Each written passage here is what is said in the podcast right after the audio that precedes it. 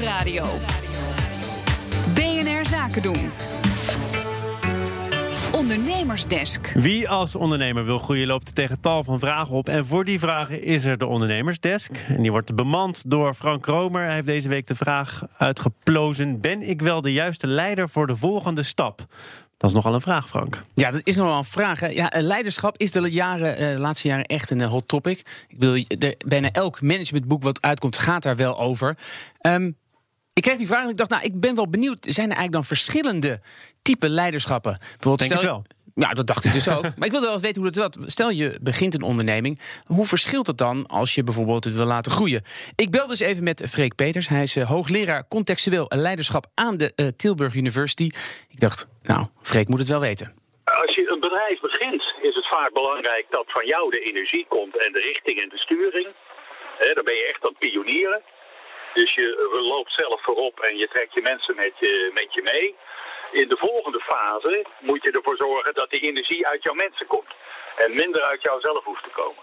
Ja, dat is, het klinkt heel makkelijk, hè? maar dat, er schuilt natuurlijk wel een gevaar in. Want je moet best wel veel uh, ja, loslaten hè? als je begint te groeien. Je begint bezig met een idee, start je, je bedrijf misschien met een compagnon. En voor je het weet moet je allemaal mensen gaan aanhuren. Precies, je houdt, je houdt misschien meer van je idee, idee dan van je mensen. En je moet ze ook vertrouwen dat zij met jouw idee aan de haal gaan en daar iets goeds mee doen. Nou, precies. Maar dat levert dus ook best wel wat uh, problemen op. Uh, je raakt eigenlijk steeds verder van de kern waarom je eigenlijk het bedrijf uh, op hebt gericht. Dus ik wilde wat meer weten. Ik ging dus ook bellen met de leiderschapscoach Marlies Bosker van Moveres. En zij verwoorden het zo. Vaak worden mensen dan succesvol en dan groeit het bedrijf en dan komen er meerdere mensen bij. En dan word je ineens manager. Dat vindt niet iedereen leuk. En sommigen gaat het heel goed af. En als je dan nog weer een fase groeit, dan uh, heb je gewoon een extra laag ertussen zitten. En dan ben je de algemeen directeur. En uh, voor je het weet ben je alleen nog maar organisaties aan het aansturen. En ben je de passie van je oorspronkelijke vak uh, aan het verliezen. Ja, dat is dus een gevaar. Want stel dat wij, Thomas, een bedrijf zouden beginnen, een journalistiek bedrijf, noem maar wat. Dat is dan je tweede bedrijf inmiddels, hè? Ja, maar wordt dat het derde? Oh ja, tweede Moet je nagaan. Word je serieondernemer Word serieondernemer. en dan op een gegeven moment, Thomas, dan uh, gaan we groeien, uh, nemen we mensen aan en dan worden we managers. Maar misschien ben jij helemaal geen goede manager. Ben ik helemaal geen goede manager. Wij zijn gewoon misschien journalisten die weten hoe we een leuk verhaal kunnen vertellen. Maar mensen aansturen, dat is een probleem. Marlies uh, Bosker zei dus ook: het belangrijkste is: verlies je eigen kompas niet. Je eigen kompas kennen, dat gaat over uh, jezelf zijn, je eigen bijdrage kennen, maar ook om een toekomstbeeld te hebben, uh, zodat je een visie kan uitdragen en vastberaden zijn. Want wat vanuit je hart komt, dat moet niet verloren gaan.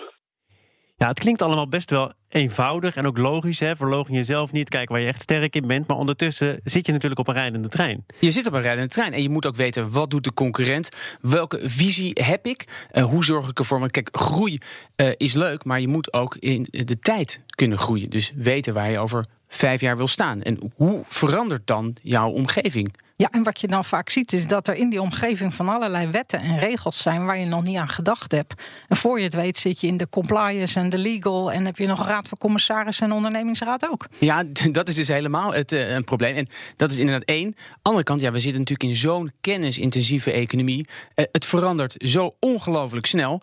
Um, en dat is wat uh, Freek Peters, hoogleraar contextueel leiderschap, ook uh, zei. Die heeft eigenlijk één belangrijke check voor jezelf of jij de juiste leider bent voor de volgende stap. De belangrijkste kwaliteit die nodig is, is dat je in staat bent om je mensen zo sterk te maken en het team zo sterk te maken dat ze heel voor zelf kunnen.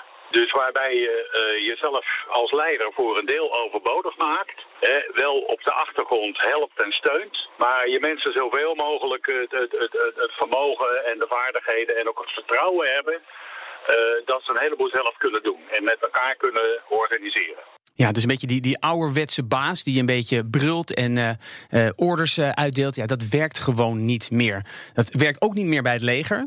Uh, want al die soldaten zijn gewoon goed getraind. Die weten wat ze moeten doen. Net zoals met werknemers in deze economie. Je, je kan ze niet alleen maar meer aansturen. Je moet het ze eigenlijk gewoon zelf laten doen. En jij moet een beetje de visie bewaren. En moet je ook al voor ogen hebben wanneer je eruit stapt. Want je exit is, ik ontvang hier regelmatig ondernemers... die eigenlijk ook, ook al zijn begonnen met het oog om het ooit te verkopen... om eruit te stappen. Nou, als je op een gegeven moment de controle uh, kwijtraakt... en als je merkt dat die groei afvlakt... of dat je bedrijf een kant op gaat waar jij denkt... ja, dit is totaal niet waarom ik het eh, heb eh, ja, opgericht. Als je er slapeloze nachten van krijgt, tegen een burn-out zit. nou, Dan dat toch maar overwegen. Dan lijkt het me. En niet meer alleen maar denken, ik wil groeien, groeien, meer geld, meer geld, groter bedrijf. Want dan gaat het op een gegeven moment gewoon mis. En een beetje beter zijn voor de wereld, toch?